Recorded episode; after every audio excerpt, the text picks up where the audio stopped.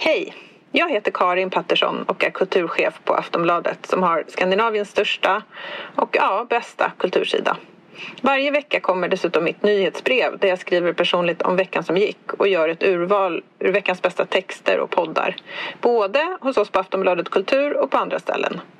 Nyhetsbrevet kostar ingenting och du får första tjing på inbjudningar till våra event och samtalskvällar om litteratur och idédebatt. Gå in på aftonbladet.se kulturbrevet och bli prenumerant. Hej då! Så, jag gör bara ett ljudtest. Um, ja. jag vet inte vad jag ska säga. Vad ska jag säga, Marcus? Jag försöker att inte säga något på dina kläder. Marcus kläder. För det har blivit ett trevligt inslag. Ja, men jag Vad frågade Marcus precis Marcus vad han tyckte om vädret och då sa han att han inte gillade så mycket på grund av att han vill ha svarta jeans. Har jag rätt? Ja. Vad har han på sig nu? Shorts? Nej, han har svarta jeans. Okej, men det blir otroligt varmt. Jag tror att det finns ju en, finns ju, jag lämnar dig nu Marcus och pratar om något generellt. Det finns ju en debatt som kommer varje år Ja. om män ska ha shorts i stan. Vad är din åsikt? Att de inte ska det. Jag hade inte kunnat säga tvärtom i och med att Marcus, Marcus har inte shorts. Så han Ja. gör rätt. Han är verkligen ett modeorakel. Fast han har en pikétröja, kortärmad. Det är väldigt snyggt till. Förlåt, men det var fint. Vilken färg? Den är svart, brun och vit. Var har du köpt den? Jag minns inte. Äkta cool. Är vi igång? Okej. Har han Tack. tajta jeans? Han svarta tajta? Nej, nej. Men tänk dig 501 och typ fast svarta. Okej. Och inte helt svarta heller, bara liksom en svart tvätt. Jag tror att han köper mycket second hand. Han hatar när jag gör det här. När han borstar. Stackars Marcus. Han är en modeförebild, vad ska jag säga? Han ser ut som typ Aftonbladets enda punkare.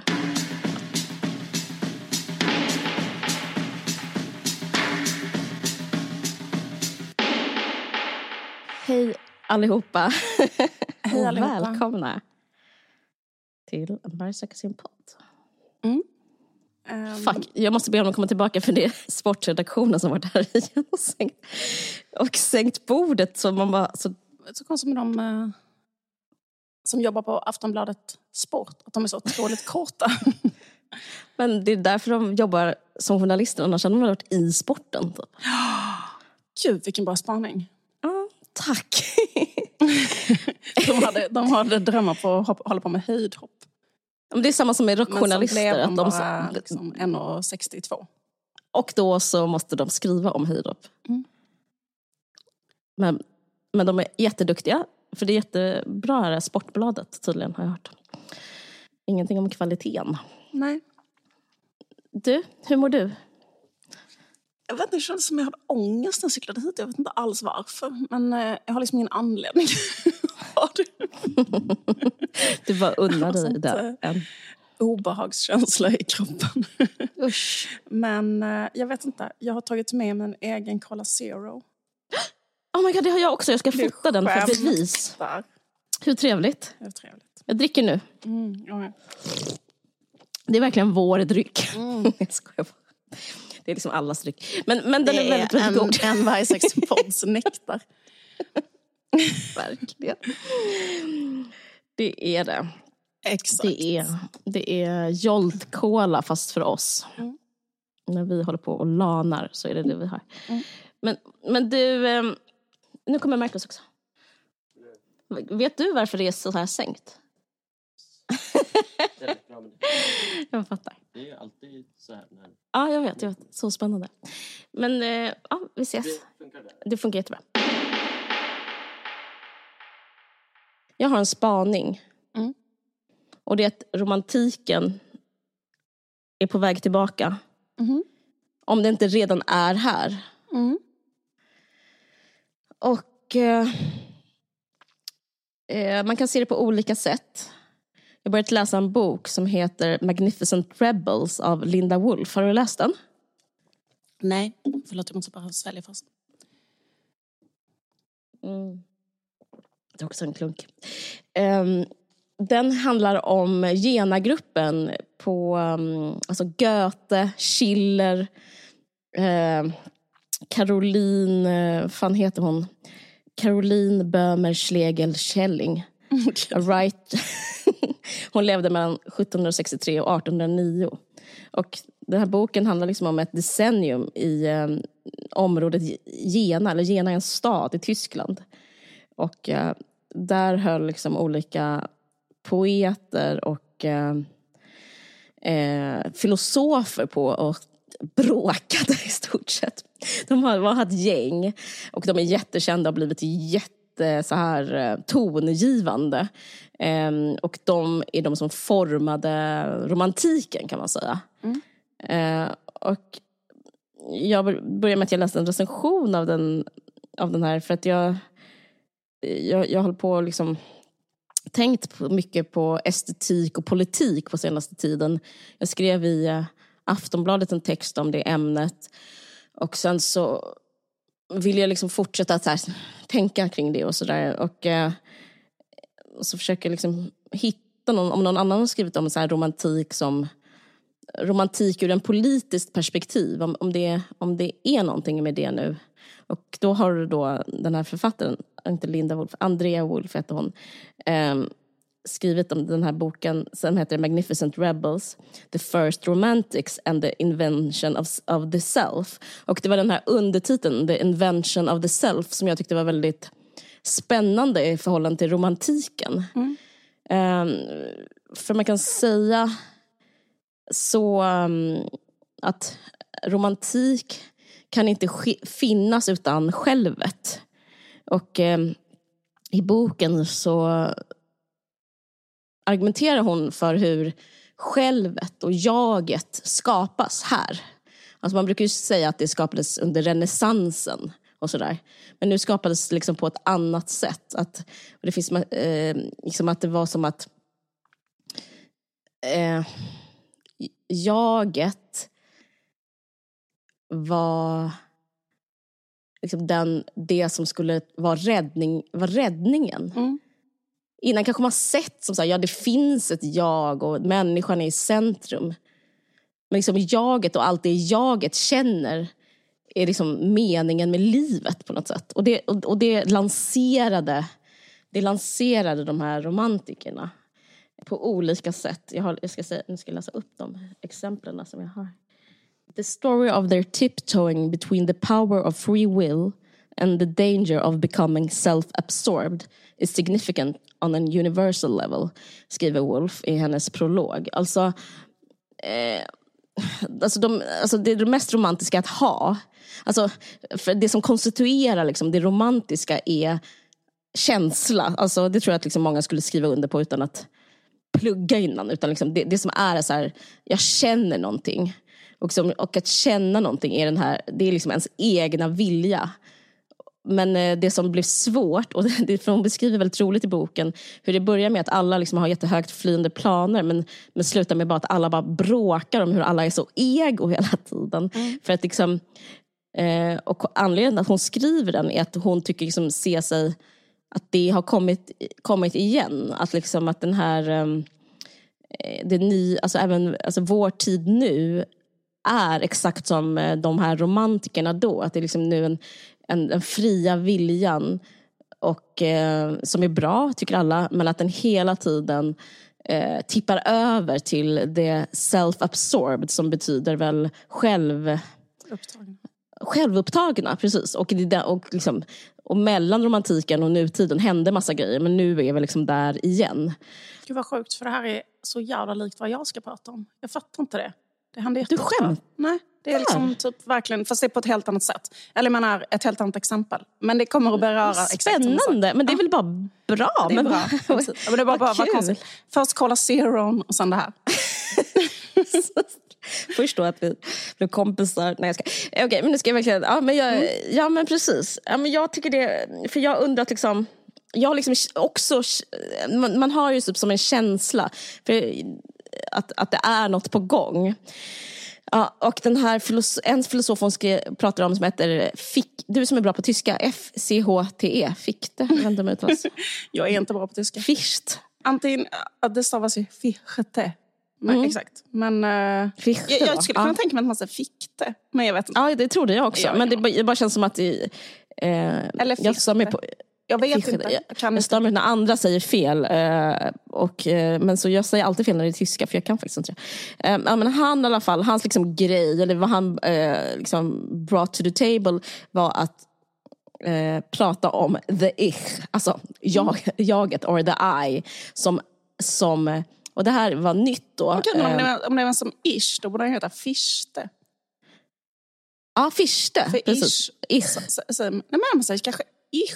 Fichte. För Fichte. Inte, alltså, i, jag på tyska, Ja. inte det ich? Jo, exakt. Okej, or the I. Alltså, och då Fichte. pratade... Han, han, han, intro- han eh, lanserade det som the source of all reality. Eh, vilket eh, finns liksom, lite, så, lite kan man så hävda att det är lite så nu. Att man, att man liksom är i en slags posttid där jagets känslor är det som är sant. Eh, och sen så, så, och, och de, de nästan tävlade med varandra att liksom vara, att liksom liksom maxa och spränga det här individbegreppet. Poeten Novalis beskrev eh, jagets vilja så mycket så att han liksom hade en eh, seriös text som han hade, handlade om när, efter hans eh, fästmö hade dött så upplevde han, som man gör, som man gör det här är ju som känslans kraft, att han skulle dö. Alltså han trodde, inte liksom av hjärtinfarkt eller så, utan av känslan av hans vilja till henne Mm. eh, skulle döda honom. Mm. Det gjorde det, gjorde det inte, men, men, men eh, det var liksom en av de här texterna som lades fram.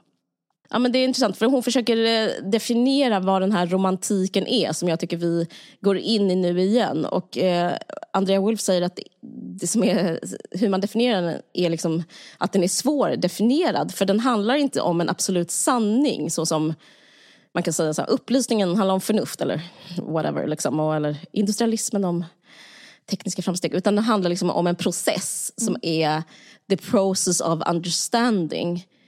Eh, och det gör ju också liksom att man lever mycket mer så här, längre från en kollektiv samsyn om vad så här, sanning är. För allting är så här, vad är din process just nu? Vad är min process just nu? Så, ja, min process är att jag typ är jättekär typ, i en uh, Lotte. Typ. Ah, okej, typ, det är bra. Typ. Men, men att det inte finns en sån eh, gemensam... Eh, det finns ingen gemensam känsla för världen. Eh, utan liksom, den bygger på en bortvändhet inför världen. Ja, och eh, det här tyckte jag var intressant. För att när vi, när vi pratade i vår, min... Jag pratade i min trendspaning, i vår trendspaningsavsnitt. Jag trodde att det skulle vara... Alltså 2023 är då vi slutar med det personliga berättandet. Mm. Eh, men... Eh, men det... det ja, jag, jag, eh, jag, jag, tror, jag, jag säger nu att jag hade fel. Mhm. Det var bara, liksom, det var bara en försmak. Okej. we haven't seen nothing yet. Mhm. Det var, Oj. det var, jag var en dålig, alltså, jag, vad ska man säga? Jag var svag. Jag var svag professionellt där. Jag var inte duktig. Okej. Jag såg inte vad jag skulle se. Jag önskade. Jag gjorde det värsta man kan göra som trendspanare. Så jag var svag. Ehm, så, så det som eh, det som är att eh, det personliga berättandet som, jag, jag delar in det innan och efter valet. För liksom, jag var så sur typ ett tag där. Liksom att, och nu när, nu när det är snart val och Moderaterna kommer liera sig med SD och de fattar inte att SD kommer playa dem, de tror att de kommer playa SD. Allt det där tänkte jag, varför skriver ni om eh, Tinder? Varför skriver ni om vad är en man? Det, eh, jag måste vara självkritisk, vi på Aftonbladet hade en serie om män, mannen, alltså valåret. Sen du vet, alla de här klassiska kontaktannonstexterna eh, alltså, skedde liksom alltså under vad ska man säga, inte under valrörelsen, men liksom från förra regeringen fram till den här så liksom var det det som verkligen blomstrade. Alltså det är de man kommer ihåg. Alltså man skulle inte kalla det kanske think pieces, men liksom, man kommer ihåg såna kontaktannonstexter som Huskvinnan som, och vet du, Guldmunken och Kanske mannen. Och, alltså det fanns väldigt många såna debatter hela tiden om eh, att vara på Tinder är att vara en betald hora och lite sådana grejer. Alltså det fanns liksom eh, hela tiden en sån sug.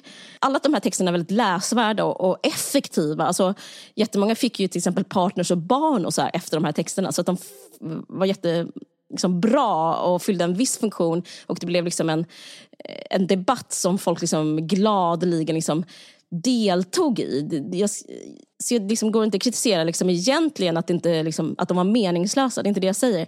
Men jag kände att det var en, ett symptom också på att där på en plats där typ en vänster brukade eh, finnas så var det som att den vänstern istället för att blicka utåt liksom mot ett samhälle blickade inåt.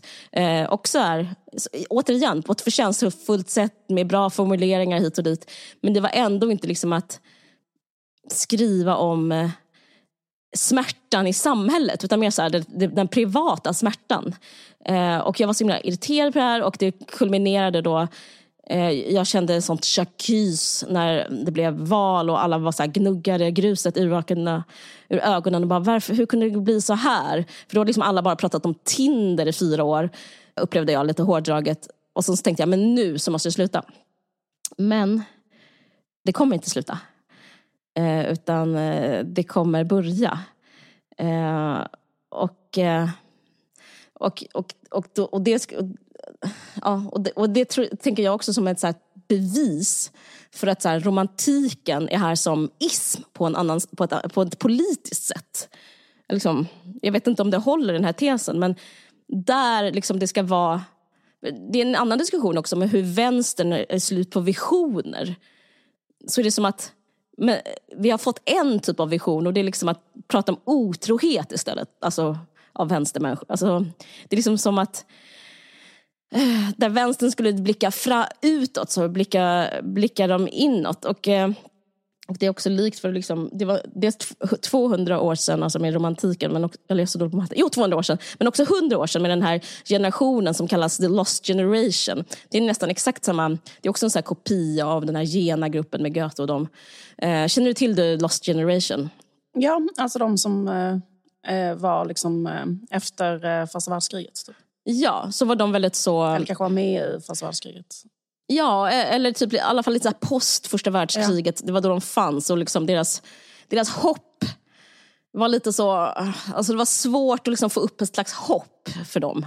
Och det var liksom en ung, det är roligt för jag trodde typ den här grejen med Gen Z och millennials att det var så något vi har hittat på att, på att definiera. Men till, det finns till och med årtal, det var, folk som var födda 1883 till 1900. Det är liksom som, exakt som våra millennials eh, som är födda 81 eller 80 till skitsamma, 93 kanske eller något sånt där. Jag vet faktiskt inte exakt var den går, men den gränsen, men någonstans där kanske. Mm. Ja, men det liknar nästan, liksom, ide, alltså nästan så här, uh, identiskt med liksom hur det var hundra år sedan. Och då liksom också, och den generationen var liksom väldigt så här, utmärkande för att vara apolitiska. Liksom, de var mer att de, de var uppgivna. Och de var mer så här, man kan lika gärna festa, man kan lika gärna ha lesbiskt sex, man kan lika gärna skriva en avantgardistisk dikt. Eh, för samhället tar inte hand om mig och samhället vill liksom se mig som kanonmat. Eller så här. Det mm. finns ingen... Alltså det var väldigt sån nihilism liksom, mm. som, eh, som var för den generationen som skulle vara den starka generationen som skulle mm. bli vuxna och ta över. Uh, och jag ska inte hålla på liksom, överdrivna likheter men liksom, jag ser ändå någon slags, säg millennials nu då. Um, men uh, jag ska bara skriva varför jag hittade var, var begreppet kommer ifrån. Så hem, det, det, är från Hemingway, han var en av dem. Det var mycket så expats från USA som typ fanns i Paris och Berlin. Och han, det är Gertrude Stein som myntade det där. You're all a lost generation, disoriented, wandering, directionless. Och jag vet inte om du kommer ihåg för två avsnitt sedan när jag pratade om eh, Vad heter hon? Allegro Prestel. Heter hon så? Allegro Prestel. Att Det är liksom nästan och, det är liksom exakt den grejen där. Förutom att de är lite rikare kanske än eh, de flesta. Men liksom den ändå liksom en slags det finns ingen politik som leder utan det är mer liksom känslan och viljan och jaget i en liksom eh, värld som är, jag vet inte, alltså som man nästan liksom inte tror på. Alltså, Det, ja. Och det som händer då, det är att man börjar skriva om kärlek istället. Och skönhet. Min förra krönika liksom handlar om skönhet. Och bara det här fåniga arkitektursnacket. Liksom, Man skulle kunna liksom, med lite god vilja säga att det handlar om politik och materialism och klass. Men gör, det gör inte det. det handlar liksom, nu pratar folk om vad som är fint och fult. Alltså vad som är vackert och inte vackert. Alltså den intellektuella klassen. Alltså det som är utmärkande är att det finns liksom ett konstaterande av en omvärld men det finns ingen eh, vision med den omvärlden. Eller liksom aggressivitet. Det, det är romantiken väldigt mycket.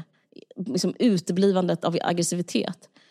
Eh, och om man går tillbaka, om vi bara stannar i vår tid lite, om man jämför med liksom hur 10-talets var, med så här politiska romaner och liksom, ja, som du är en del av politisk seriekultur och då fanns det ju hela tiden ärende på ett annat sätt. Eh, men ja, det, det är förbi nu och, det, och jag känner igen mig i det också.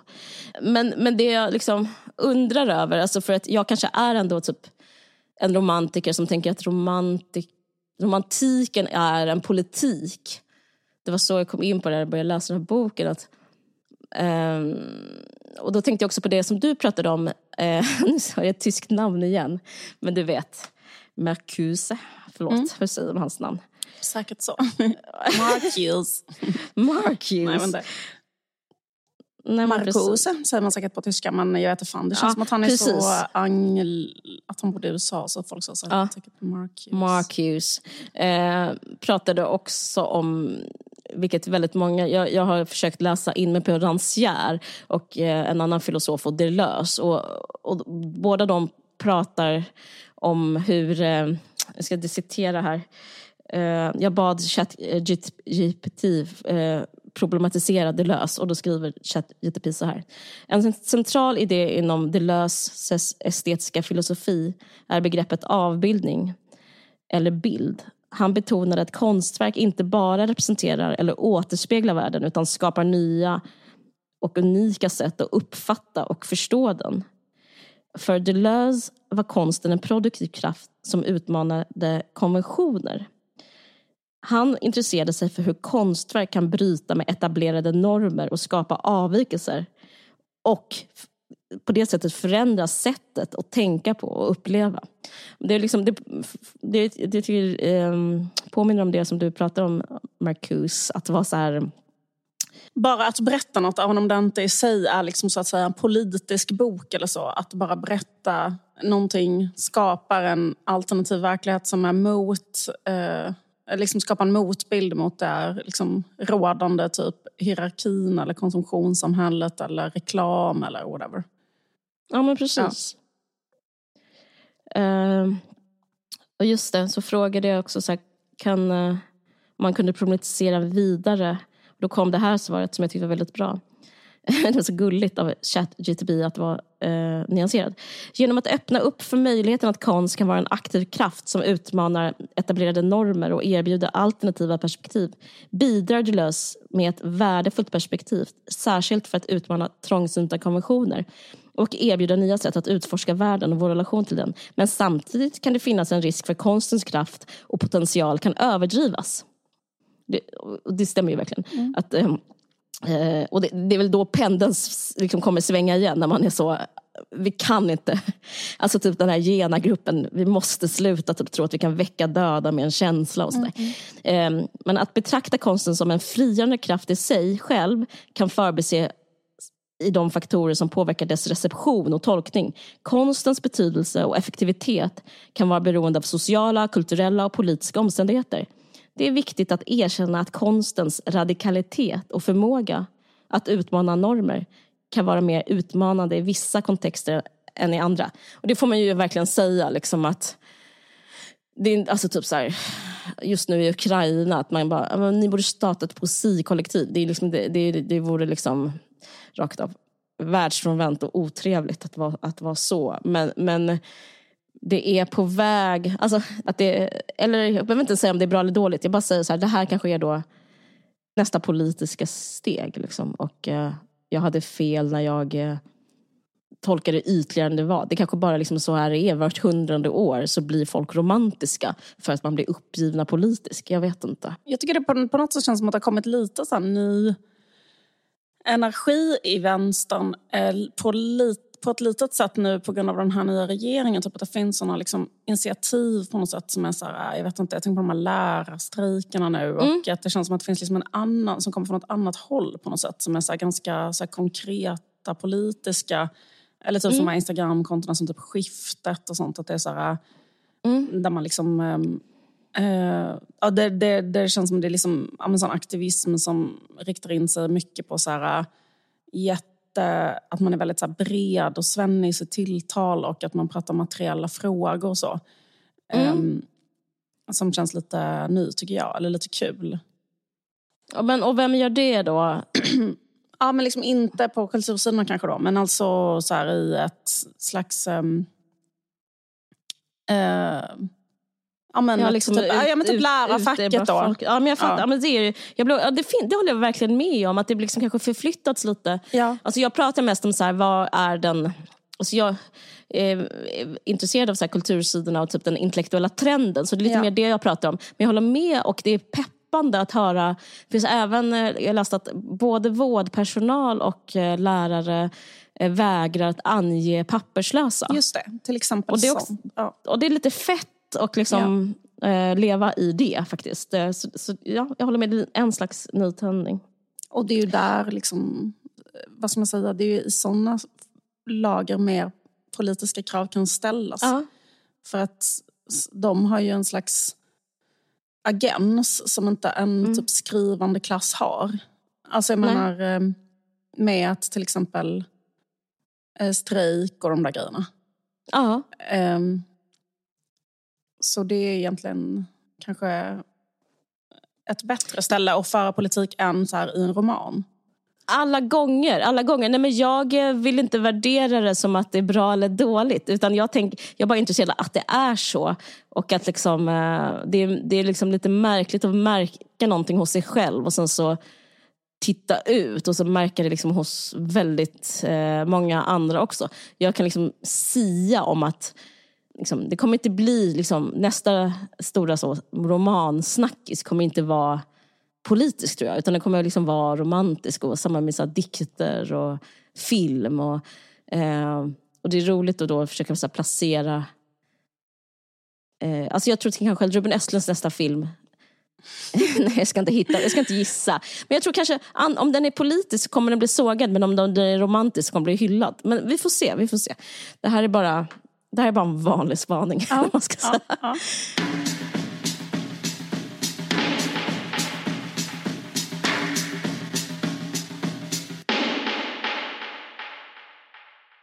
Intressant att du pratar om det där med liksom det autentiska jaget och liksom romantiken kring invention of the self och sånt. Ja. Eh, därför att jag eh, tänkte också prata lite om det eh, utifrån ett annat eh, håll som är att jag varit väldigt besatt av eh, The Holistic Psychologist. Eller hon eh, som är Instagram-psykolog. Som du också nämnde på vår livepodd om någon var där och hörde. Just det, min ena prata handlade om hennes eh, self-care tips som basically var att man ska vara ego. Precis. Jag har liksom, hon, hon, hon är tydligen lite miniaktuell för jag tror, att hon har varit i Sverige. Okej, Eh, och därför har hon varit intervjuad av eh, så här, eh, lite olika ställen och så. Men hennes bok eh, är översatt till svenska och den heter då Läk dig själv på svenska. Okej, eh, visst är det spännande. Ja, men eh, den kom ut kanske 2021 eller sånt där. Men eh, den heter på engelska Do the work. Men hennes stora grej är nog inte de här böckerna utan det är nog liksom själva Instagramkontot. Mm. Eh, för det känns som så här, ett tecken i tiden att folk liksom... Det har ju väl sju miljoner följare? Ja, det har sju miljoner följare, exakt. Mm. Mm. Och, eh, och hon har liksom också en sån... ehm, Self Healers Circle som är en slags eh, Patreon, alltså baserad grej. Att man eh, betalar för att komma in i någon slags community där man har såna självhjälps liksom, cirklar och så. Men i alla fall så, eh, jag pratade lite om eh, en aspekt av hennes eh, bok, liksom också i Stormens utveckling ska jag säga, Mm. om någon känner igen det. Men jag tänkte prata om liksom en annan grej i, Mm. i den här podden som handlar mer om det här med, med självet och liksom hur man ser. För det, det är så himla intressant tycker jag, det där, liksom att så här, vad är liksom egentligen, alltså det är ju så, här, det är så himla liksom så spridd sanning att man till exempel ska försöka komma på så här, eh, vad vill jag? Typ så här, vad, Mm. vad vill jag själv i mitt liv? Eller med, med, Ja. med mitt liv eller vad är min liksom eh, typ ehm, min sanning eller vad ska man säga? liksom min inre, Ja, min, liksom, min inre liksom, röst lilla... eller guide. ja. Ja men precis. Eh, och liksom eh, eh, nu, eh, det var därför jag tänkte att det var så likt, därför att det är som sagt eh, i romantiken att man liksom kanske börjar liksom uppvärdera det väldigt mycket. Så här, vad, vad, är, vad jag känner är liksom viktigt och det är en, en Det är riktlinje. ver- verkligheten. Eh, Liksom. Precis, exakt. Men samtidigt så... ehm, Eller man kan väl göra en jävla massa olika historieskrivningar om det. Men det finns ju också så en sociolog, två sociologer som heter Hans-Georg Möller och eh, Dam Brosio. Och De har du pratat ja, de om innan. pratat om innan. Exakt. Ja. Men, men de ehm, har liksom en slags historieskrivning. Ja, men det, de är ju sociologer så de ser ju på det liksom från ett håll, liksom, vad som har varit, typ, hur samhället har konstruerat identitet, eller liksom, vad är jaget? Och då menar de på att det först har varit liksom en... eh, Och de drar gränsen, kanske att det börjar bli riktigt, riktigt stort med så här autenticitet och det autentiska jaget liksom på 1900-talet. Typ så här, Det är väl också jävligt mycket med psykoanalysen och sen blir det ännu mer kanske på 60-talet, typ 68. Liksom hela den här grejen. Men han menar liksom att innan dess så har liksom, jag menar det kanske funnits eh, så drag i litteraturen och bland vissa grupper men liksom att vad hela samhället tycker är rätt. Liksom att innan dess så var det liksom plikten att man ska liksom uppfylla sin socialt föreskrivna roll är det som är rätt sätt att leva. Alltså typ att Ah. vara en god Just- mor just eller vara en bra fru eller liksom göra eller vara liksom en korrekt så här, deltagare i eh, liksom det här eh, Men så bondesamfundet. var det ju Ja. också innan the lost generation, äh, om man nu ska Mm. tvinga in jämförelser, men liksom att så här, vara en soldat. Liksom, som Mm. så bara, nej det var asdålig idé att vara soldat. Precis, Ah. verkligen. Eh, Men sen så kom den här grejen, eh, kanske eh, liksom att det, det rätta är att eh, liksom göra det autentiska som kommer inifrån mig själv istället. Och Just det. Det är ju liksom verkligen intressant för det är ju nästan alla böcker och all litteratur och alla filmer handlar i princip bara om det. Mm. Typ så här att, eh, liksom, jag vet inte vad, min mamma ville att jag skulle bli vad heter det? Ehm, lärare men jag ville bli balettdansös. Alltså, och sen blev jag det. Och det är ett lyckligt slut på den berättelsen. Mot alla odds. Vad ska man säga? När jag var mig själv, då blev jag lycklig. Just det. Eh, Så liksom, mycket handlar liksom om att så här, det autentiska, alltså berättelsen där är liksom så här. Det autentiska jaget finns inom dig och det är när du följer det, när du gör vad det vill, som du blir lycklig. Liksom. Och innan var det då så här, eh, det är när du föres, liksom, följer din föreskrivna roll som du gör rätt. Och eh, sen blev det då, det är när du gör vad du själv vill som du gör rätt.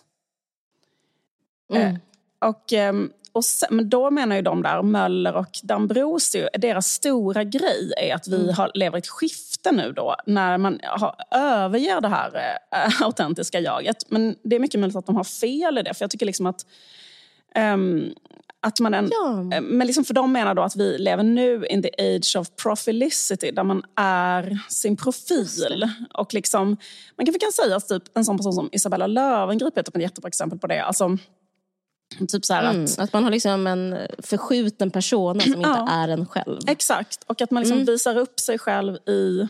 Och de menar på att man liksom att det kommer mycket mer bli normen. Att vi ser på människor som representationer. Alltså vi ser inte, vi, vi följer någon på på, mm. på sociala medier och så ser vi dem hela tiden visa upp en del av sig själva. Men vi vet alla att det inte är eh, en hundraprocentig genomlysning av den personen utan vi, vi, se, vi, vi vet att den här personen visar upp en profil. Och vi tycker det är bra, typ applådera det. Liksom. Ja, men alltså, man behöver inte vara... Alltså, liksom, de menar att man kommer att gå mot det, att man ser att människor har eh, massa Fan, olika... vad intressant. Alltså jag, vet vad jag tycker är intressant? Inte deras eh, take eller eh, spaning utan nu när du säger den, Mm. då känns den gammal tycker jag. Ja, Fattar du vad jag menar? Den känns som så här, just det, för jag, för jag minns själva spaningen, eller liksom Ja. spaningen kanske är reducerande, vad ska man säga, forskningen. ja. Men nu känns det som så här, ja men det var ju när sociala medier liksom var liksom inte fast i sin form. Och, alltså, det är som att vi har tagit kliv från tiden då sociala medier var så eh, så på tapeten på, den, eh, på det sättet, så skakande. Nu, nu, nu tycker inte jag nu tycker jag den känns daterad, fast jag fattar exakt vad du och de menar. Men eh, det som man pratar om för länge sen. Alltså den här, ja. eh, eh, lite i alla fall. Fast, fast jag kanske skjuter ner din spaning, det menar jag inte Nej, nej, om, om du ska eh, fortsätta nej, på det. Nej, liksom. Nej, nej, jag menar inte det. För jag menade just att, så här, eh, att de menar på liksom att det skiftet redan typ i princip har hänt. Så typ att, Mm. alltså för de menar att mm, att de kallar det för typ teknologier för identitet. Och de menar liksom att när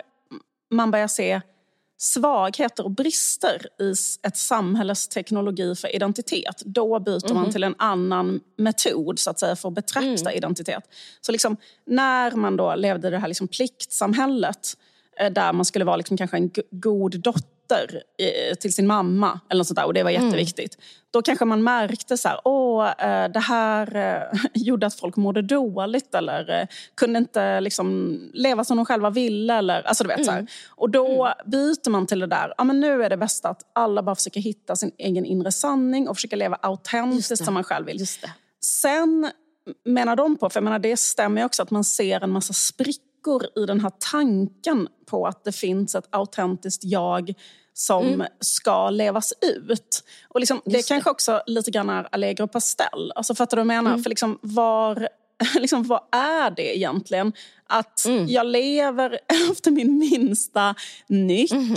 Jag bara liksom, eh, är då i Berlin och ehm, mediterar varje morgon och sen går jag och tränar tennis och sen skriver jag på min eh, kortroman och sen äter jag dumplings med mina kompisar och sen tänker jag på mitt Sen jag distansförhållande. Men sen, så bara, men, sen är jag Och otrogen. så- Exakt. Eh, Precis, sen Och så känner jag... man dåligt. Ja, precis, så känner jag får ligga med den här personen, sen så gör jag det. Sen så känner jag, men, liksom, men vad, vad är det? Vad är det liksom? Och just det, den, är egentligen, den romanen är egentligen väldigt mycket en beskrivning av det här liksom väldigt så här långt gångna stadiet av att bara göra det man själv vill. Visst, Liksom, visst. för var hamnar man då? Typ att, och hennes mamma uppmuntrar till det. Så det finns ingen Men Det är sån... dekadent. Ja, men det är precis. så här aut- autentic- autenticitet-dekadens på något sätt. Ja, just det. Men sen, finns, men sen så vet inte jag riktigt, för sen sån här profilicity, den är också väldigt så här... eh, Den identitetsteknologin menar han på, liksom, eh, eller de, liksom så här, den, att den liksom är så här...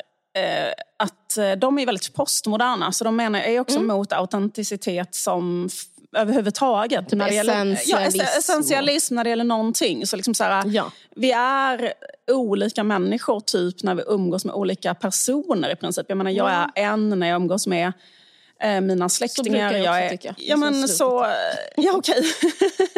ja, men Så tyckte jag förra, veck- för att, Ja, förra veckan. Ja, men jag håller verkligen med.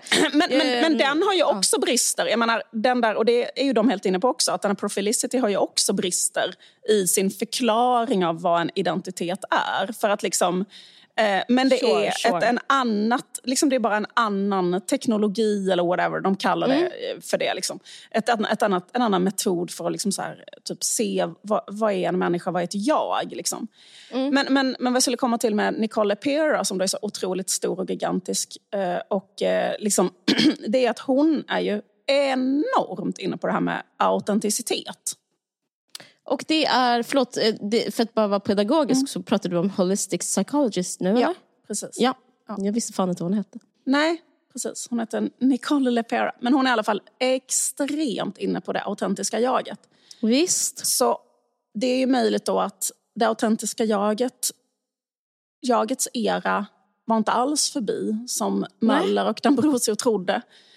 Jag tror Ehm, den är, har börjat De nu. önskar alltså. Tänk, alltså, det kanske- det kanske är som du säger då, att det bara har börjat. För att när jag läste den här boken så finns det liksom inget eh, som är så liksom, eh, starkt som eh, åsikten, eller vad ska man säga, grundfundamentet är så här i hela boken är liksom att det finns ett typ ett intuitivt, hon menar att det finns ett medfött intuitivt inre sanning Oh my god. Störigt. Störig hon är. Ja.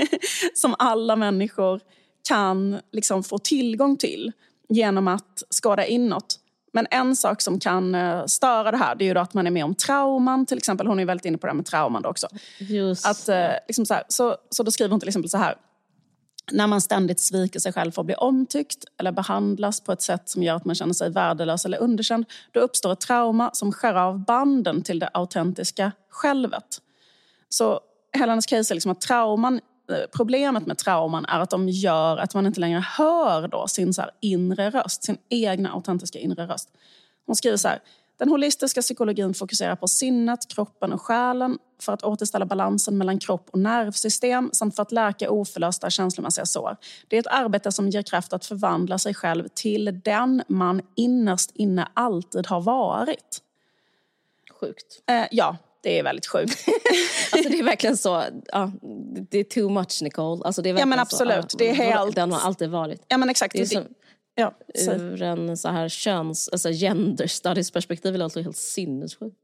ur all sån, liksom, jag menar, vi som postmoderna, eller i alla fall jag som postmodern, är ju Mm, är såklart liksom helt mot... Jag som Judith Butler eh, screaming.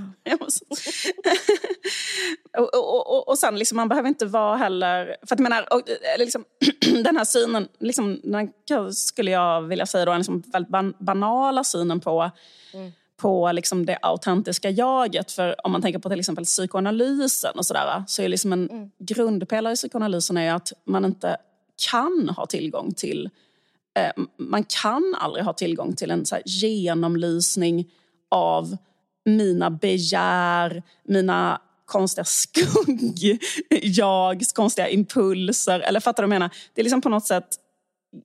Liksom, Nej, Freud det är fan ju att- jävligt sant. Eh, Alltså det intressanta med Freud är att Ja. typ han, han säger att det är på två sätt istället. För det är dumt av den här kvinnan Mm. att säga att det finns ett sätt och det är det, är det sanna sättet. För han är så, det finns ju ett sätt och det går emot det andra sättet och du har båda inom dig. Alltså det är ju liksom mycket mer. Undrar om det är därför han fortfarande är igång. Men han har ju liksom den här grejen också. Eller jag, menar, bara, men, eh, jag, jag är inte alls en expert på Freud. Men alltså det här med till exempel att eh, dietet eh, är ju någonting där det finns liksom, i, eh, som, drifter och impulser som vi inte känner till. Och man tolkar ju via drömmar. Man kan ju få, få kontakt med det omedvetna eller så, undermedvetna, kanske via felsägningar och drömmar och så. Men det, men det finns liksom inte på kartan att man bara skulle kunna ta en liten paus och checka inåt och sen då förstå typ någon slags sanning om någonting på det enkla, liksom banala sättet. Sen är det klart att man liksom genom via- psykoanalys flera år kanske, Ja. men, men det är också föränderligt. För dietet så här, påverkas av lust och drift. Verkligen. Eh, Så det är jätte... Så det är en mycket mer, vad ska man säga, som ödmjuk inför mysteriet eh, en människa på något sätt. Vilket också är rätt romantiskt i för sig. Ja, men, ja, verkligen. verkligen. Men också den här liksom, eh, saken som jag tycker är märklig, eller, liksom, eller även oavsett eh, om man, vad för eh, teorier och sånt man har, att det bara är en sån eh, sunt förnuft på något sätt. Liksom, hur kan intuitionen styra en rätt? Alltså hur kan man veta att det som då ens inre säger till en, att det inte är... Alltså förstår du vad jag menar? Säg att det kommer in en tjej i rummet och jag direkt känner en liksom negativ känsla. eh, är det för att min intuition sa mig att den här människan ska jag hålla mig undan för? Eller är det att jag kanske är avundsjuk på henne och, och därför fick en dålig känsla av att hon var så snygg? Alltså, Är det att hon är snyggare än vad du är? Ja, är det att hon bara är snyggare? Alltså, eller är det att hon bara liksom, har en bättre... Liksom, bär upp den där jeanskjolen på ett bättre sätt än vad jag gör? Alltså, Ja, men du vet, att, att, eh, att, att det, liksom, det, men det, det är så jävla konstigt, eller, liksom, eller hur min intuition... Och en annan sak är ju då liksom att man på något sätt drar likhetstecken, en annan sak på vilket det skiljer sig med psykoanalysen då, liksom att det, det, jaget anses ju då alltid vara gott. Alltså det jaget vill, det det här autentiska jaget vill, Mm, är, är så alltid är bra. det var så här att, för att liksom inom, eller liksom, inom mer så eh, psykoanalys och sånt så är det ju mycket mer så liksom att jaget är ju inte gott. Alltså, det är ju inte så att ja, i grunden finns det en pärla av guld som säger sanningen och dessutom gör det rätta som leder till lycka. Liksom, varför skulle det vara så? Det är väl klart att man själv är ehm, liksom, eh, alltså typ att det, det är väl egentligen det Ja. som är målet med psykoanalytiker, liksom acceptera att man är eh, en, en eh, ja men typ så här, man, Ja, man, det är typ liksom, här- man är jävligt, liksom kanske har liksom här egoistiska drag, eller liksom onda drag eller sjuka sjukheter i sig själv och man måste bara fatta att det är så och chilla lite med det kanske. Eller du vet så här. Ja, precis. Alltså, typ, eh, på ett sätt påminner det om hennes... För att liksom, det är ju, alltså, Freud pratar ju också om trauman. Alltså, typ så här, att det, det, typ, om man har fått en störning i vissa så faser så blir man kanske typ pedofil själv och så. Eh, så, så hon gör ju på, på något sån vulgär version av det. Liksom, Just att det. Man är, det händer någonting och sen så får man liksom, så tar ens inre en riktning. Men han trodde ju, och det tror jag man har övergett, han trodde man kunde bota det genom att så här, titta på det. Det tror inte jag folk tror längre. Liksom att man... Eh, du har en störning i orala fasen, okej. Du är klar, du behöver inte vara pervers längre. Alltså så, Nej. ehm, det känns som man har övergett det. Men det känns Ja, som hon men- tror det. Ja, men hon, hon tror jättemycket på det, att man kan liksom läka Mm. sig själv. eh, och eh, att liksom, det handlar om att förstå vad traumat är och sen så kan man lösa upp det och då kan man höra sin inre röst. Och när man kan det, eh, liksom, det verkar ganska som lättillgängligt att bara titta inåt och då bara hör man sanningen och då vet man vad man själv ska göra i alla situationer. För det man själv känner att man vill är alltid rätt. Så Mm. Det där då, är ju romantiken också, helt sjukt. Det är ett jättekonstigt sätt att se på sig som samhällelig person. Liksom. Ja, men Ja. På, på ett annat sätt så är det, det är mot romantiken på det sättet att samtidigt upplever jag att man håller känslor i koppel så inåt helvete i sig självhjälp. Liksom, eh, Ah, gud vad intressant. Ja, jag menar mer typ den här grejen att man är så, jag kände det, vi har hittat svaret för att jag kände det. Men okej, det, du, du kan inte döda någon, typ, kom igen. Men Liksom, just det. eh, så var ju alltså Werther, du vet. Just det, precis. Men de är liksom så här, de är också kanske mot eh, sån slags romantik som Werther. De, de skriver det. Ja, de just det. skriver det också. Liksom, Jag fattar att de är det. Alltså, ja. Hon är liksom mot till exempel att övertas på det sättet av begär till exempel. Oh my god, vilken jobbig människa. Allt. För allting är eh, omtuggat i det här liksom self-help-tugget. Och där är allting ska utgå från eh, liksom din connection med din intuition som säger dig exakt vad du ska göra i olika situationer. Och liksom, men, men, men, men, men jag har i alla fall funderat på liksom så här, va, varför är detta... Va, liksom, är det dåligt eller varför är det i så fall dåligt? Typ att eh, tänka jättemycket så att om jag checkar in med mig själv så kan jag få reda på vad jag vill autentiskt. Och om jag vet det så ska jag agera på det exakt så, för det är så man blir lycklig. Så här, vad är felet med att tro så, eller whatever? Ehm, och, eller vad kan, vara, liksom, vad kan gå fel om man tror jättemycket på det? Funderade jag på. Och då var det så började jag i alla fall kolla på deras Youtube-kanal. För de har också en, eh, sån, en podd. Och då är det så, eh, för att Nicola Pera är, eh, pratar väldigt mycket i boken om sin fru. Eh, För att hon är gift med en kvinna som heter Lolly. Och Lolly är med, det låter som ett påhittat namn tycker jag. Det låter som ett sånt namn som jag hittar på i mina serier när jag bara ska hitta på ett få- fånigt namn. Snabbt namn. Ja. Ett snabbt namn, exakt. Men i alla fall Lolly. ehm, eh, ja, men, eh, det handlar mycket om Lolly. Och sen så är det liksom att eh, hon och Lolly hade typ ett dåligt förhållande. De har varit gifta jättelänge. Sen så kom de gemensamt på att de skulle göra en sån wellnessresa och börja vara mer autentiska. Och så gjorde de det tillsammans och så byggde de upp den här gigantiska industrin då kring Holistic Psychologist och Instagramkontot och det här communityt. Och de har liksom blivit säkert så här multimiljonärer på, det, på detta. Liksom. Och sen så berättade de att de hade en event, ett event och då kom det dit en ung tjej som approachade dem. En tjej som heter Jenna. Eh, och sen så beskriver Nicole att hon fick ett DM från Jenna några dagar senare där det stod så här, och det här finns ordagrant återgivet i boken vad Jenna skrev. Då skrev Jenna så här. Jag känner mig hängiven till den här rörelsen. Vi vet att en ny värld är möjlig och vi skapar den tillsammans. Min själ är kallad till detta. Jag är här för att stödja dig och rörelsens framtid. Låt oss talas vid. Okej. det, liksom,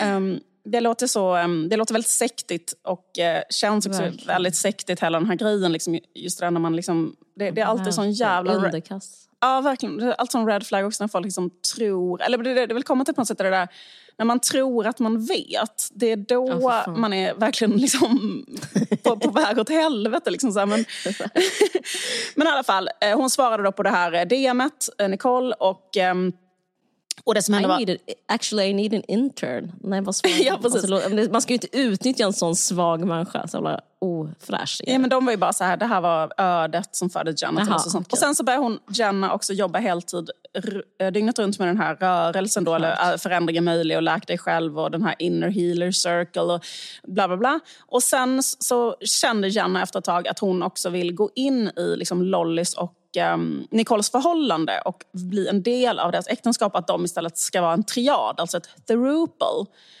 Och ehm, jag vill liksom bara säga att det är... Heter liksom, det det? Nej, men- heter det på. Mm. engelska. kan det heta, tror jag. Jag tror det kan heta lite olika saker. Eh, jag menar inte alls nu, det, det, är liksom, eh, det är inte alls det, detta jag menar att det är fel alltid att vara en triad. Jag menar bara just den här viben att, att liksom, också så lite LOL för Nicole när hon då blir eh, anklagad för att vara en sektledare. Att det ser så himla dåligt ut om man är anklagad för att vara en sektledare att så, ha två fruar. För det är alltid, Ja, verkligen, verkligen not a good look. det är not a good look liksom just på någon som ibland kallas sektledare. Men liksom, just när man liksom bara Verkligen. helt plötsligt verkligen. har två fruar. Så, Fixa det. ja, men det var bara liksom en, det är liksom inte alls säkert att det är dåligt, det bara ser dåligt ut. Alltså, Ja, det, liksom, alltså, det ser alltid dåligt ut på en Ja, person som har ett, ett sånt lite sektiga Mm. Men i alla fall. Eh, nej men precis, men, men det jag tänkte bara prata om var liksom när de, för jag lyssnade såklart på hela deras eh, podd då, där de, eh, vad heter det, vad ska man säga, går ut med att we're in a throuple. Eh, så liksom videon heter så här, we're in a throuple. Och, eh, men det lustiga är att Lolly, alltså den första frun, då, hon är liksom inte med i den här videon. Utan det är bara då eh, Nicole och Jenna som sitter och pratar om att eh, we're in a throuple. Åh nej. ja, men jag vet. hemskt. Jag vet Då jättehemskt. fattar man ju allt. De två har blivit kära och hon vill ändå ha kakan och äta den. Ja, men så säger en väldigt outvecklad andlig förlåt. person. Nej, men, jag, skämtar bara. Nej, men jag tyckte också det var intressant för att det, det var liksom i vissa rörelser eller vissa grupper, Mm. det här känner man ju själv till när man har varit i olika, olika grupper, olika rörelser som tycker olika saker eller vill olika saker kulturellt Mm. eller politiskt eller whatever, så är det alltid så här, vissa saker som blir väldigt hög status i, kan bli jättehög status i en viss grupp. Mm. Typ helt plötsligt är man i en grupp där någon random grej är jättehög status. Och i den här gruppen så är liksom hög Mm. status är att vara connected till sitt autentiska jag. Alltså Mm. att ha jättestark intuition eller att vara ledd av, av ditt hjärta. Oh my god vad jobbigt. Men i alla Ah. fall så, um, så märkte jag liksom att de, de, liksom, vad ska man säga, de liksom skryter eller de, de håller De på med det. De typ. battlar om det. Att Ja, eh, vem fattar. som är mest liksom, eh, connected och mest authentic. Och då säger i alla fall, eh, hon eh, säger, börjar med att berätta så här. And really, it's I've always been guided by my heart. Um, I follow my heart kind of to a fault where I haven't necessarily had a plan or done anything that really made sense on a track. However, I was always following this deeper intuition or knowing that for me was just always there, thankfully. Ja, det är i alla fall Jenna som pratar om att hon visste att hon skulle gå in i det här förhållandet för att hon har haft en så himla stark alltid connection till sin intuition. Så det hon gör är att hon berättar för eh, Nicole att hon vill gå in i, eh, att hon är kär i henne liksom, och att hon vill gå in i deras äktenskap och forma ett throuple. Och då tyckte jag bara det var så intressant hur... eh, Och sen Nicoles respons på det är då att hon direkt... Ja, eftersom hon vet att Jenna har så stark connection till sitt hjärta så...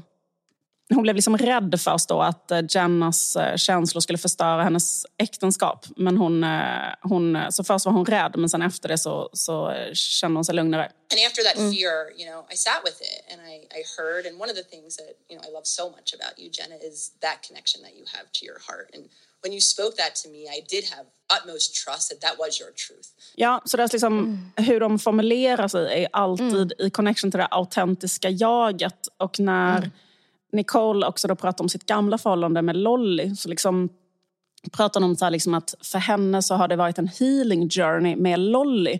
Att, att mer och mer och mer börja formulera vad hennes eget autentiska jag säger till henne. För det är så man blir bättre. Alltså genom att mer och mer bara styras av vad hon själv vill. Det är hennes healing journey. Så när hon pratar om, sen säger hon till Lolly då att hon vill att de ska öppna upp förhållandet och ta med Jenna in i förhållandet. Och då, då berättar hon, beskriver hon det så här. So, in part of my healing journey, you know, in relationship with Lolly, building the foundation for that, I made the commitment to at least ask what I wanted. Um, and then over time, gradually, to then more and more live into what I wanted. det skulle ju, det skulle ju liksom eh, mycket väl kunna vara så att de, är, att de, att de, att de vet jättemycket liksom, vad de själva vill och så och att det är liksom inte... Att, att, att det, liksom, det, det, det, det, det är det här jag menar med det kontrollerade. Liksom att man... Mm -hmm att man liksom, när man känner en sån här känsla, vilket eh, jag liksom absolut inte... Eller som, som, som är så himla så här mänsklig. Som är så att man eh, grips av en passion, man blir kär, man liksom tappar kontrollen. Så här. Men de beskriver det inte alls i termer av att tappa kontrollen eller att eh, eh, gå efter sina egna... Eller du vet, utan de beskriver det utifrån att... Eller flippa ur. Nej, eller flippa ur. Typ så här, jag fick en 40-årskris. Which is the, the right word for it. eller så här, ja, men 40-årskris skulle kunna vara ett sätt att beskriva. Alltså, förstår du? 40-årskris. ja, men, eller, eller, bara så här, ja, eller, eller vad fan, eller, eller vad fan som, som man har beskrivit i alla, alla tider att liksom Eros pilar träffar en, vilket Ja, är en katastrof på ett sätt men samtidigt eh, eh, liksom, eh, en, en, ett, en, en Liksom, Det är eh, v- vär- liksom, men, men, men det är också så här, men jag tänkte på det, just liksom, vad, vad, är, vad är typ ehm, farligt, eller om man ska säga, med att, Mhm. med att se på sig själv på det här sättet. Eh, Mm, som jag- hel. Som, som så hel. För Ja. Och så möjlig att ha kontroll. Och så, Mm. liksom det, det blir något väldigt som självgott, alltså med sin så här självsyn. Eh, eh, som är så här, och, och, och också liksom... Eh, och så, och så, jag ska bara spela upp en sak till som Jenna säger när när hon berättar, liksom, eller hon säger liksom att de, de berättade då för Lolly och Lolly gick också med på att ha ett throuple. För Lolly är också så connected till sig själv så att hon... Eh, sådär. Och sen så... För, nej, jag bara tyckte det var intressant här hur hon pratade om, om, om dem och hur hon beskriver hur de är, de tre. it's so beautiful and what i love about our relationship so much too is that regardless that would have been figure outable. We would have navigated that and still been able to flow because there is a level of maturity and connectedness and really healing on our parts that we've had internally and independently with ourselves where we are at a place and a level where we can actually check in Det hon menar när hon säger we are at a level where we can actually check in. Det menar att hon, de är på så hög andlig nivå så de kan checka in då till sitt inre sanna jag och direkt veta vad som är rätt. Och eftersom de är så mogna och har the level of consciousness och have done the work. För det är också mycket det att de eh, gör så här jättemycket yoga och meditation och äter veganmat och glutenfri mat och sånt. Och sen så gör de liksom jättemycket sån trauma checking. Och liksom, du vet, och, men det, det är verkligen, där tänker jag verkligen att då, liksom när man pratar så om sig själv, så som hon pratar om sig själv där, då är man verkligen ute på halis. Alltså, då är man verkligen, då är man verkligen liksom då är man verkligen vinglar man där på, på en kant till en ravin när man liksom tror det. Att så här, the level of maturity, I, alla vi alltså mature och har så mycket consciousness. Ja, så ja, vi visst. kan vara i den här triaden och det är inga... Alltså jag menar, att liksom, det är klart att man så här, kan vara i en triad, det är inte alls det jag menar. Jag menar bara liksom att tro, eh, då kan, då kan man börja göra vad som helst när man tror det. Eh, Ja, och det är det som blir så jävla jävla farligt att inte ha den typ, ja men ska man säga då synen på sig själv att man är ett fucked up mysterium och kommer alltid vara det.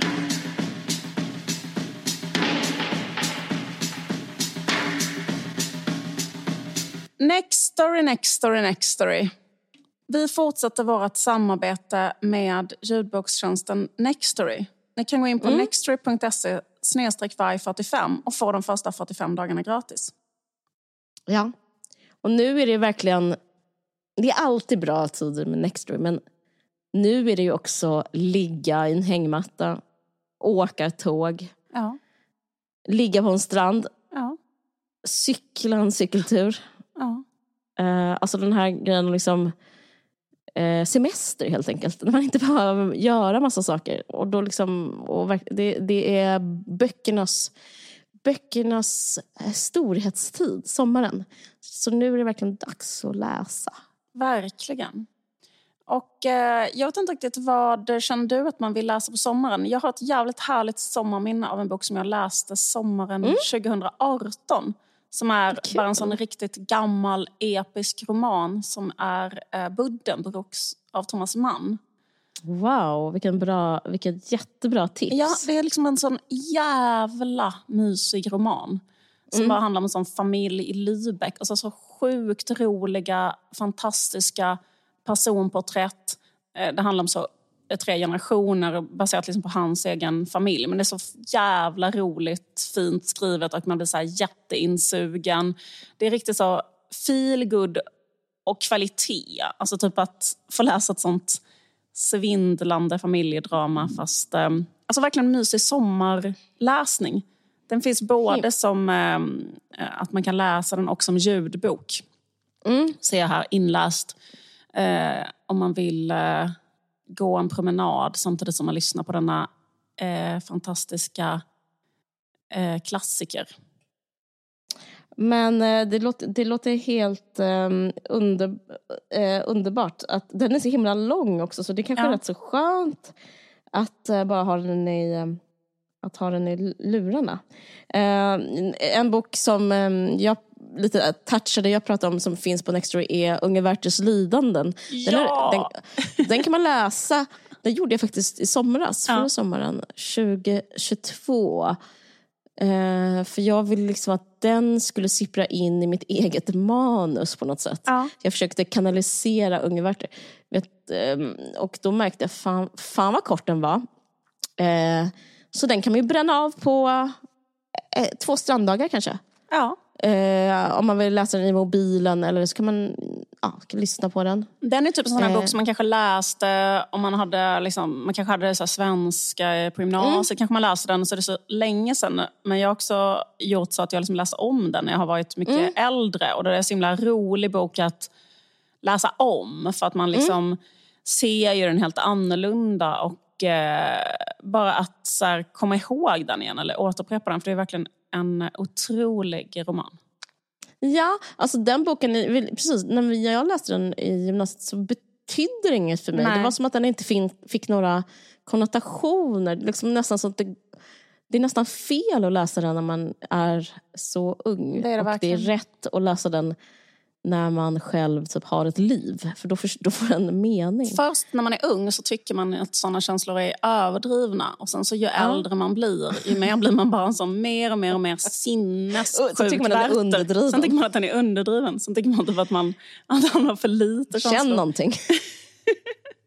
Man blir bara som mer och mer och mer urspårad unge Werther ju, ju mer tiden går. så, verkligen, verkligen. så därför så, eh, så liksom, Ja. är det inte så bra att läsa dem med så cynisk, torr eh, 17-åring. Nej. Eh, men, eh, Men våra lyssnare, tror jag, den. Ja, var, kan- eh, absolut. De är, dag- det är dags. Oavsett så är det en referens eh, som, eh, alla hela tiden nämner så bara för sin allmänbildning, även om man hatar den, är det jätteintressant Ja. och bra att läsa den. Sig. Ja. Ja, det var, Nej, men vi har den där koden eh, Ja. som vi inte får glömma om att understryka. Eh, kan du säga den igen? Denna, det är då att man går in på nextro.se snedstreck varg 45 skriver man då. Och eh, då får man de eh, 45 eh, första dagarna gratis. Yes. Tack så mycket. Nextory. Nextory. Och ehm, glad sommar, fast vi ses kanske igen om två veckor. Förlåt, eller Ja. jag minns inte. jo men det gör vi. Ja, det gör vi. Vi, sen kommer vi att ta ett uppehåll, men nästa, vi ses om två veckor igen. Det blir Ja. underbart. Eh, Okej, perfekt. Men då hörs vi om två veckor. Ha det så bra tills dess. Kram, puss. Jag drack Cola Zero. Kram och puss. Hej då. Hej då. Du har lyssnat på en podcast från Aftonbladet. Ansvarig utgivare är Lena K Samuelsson.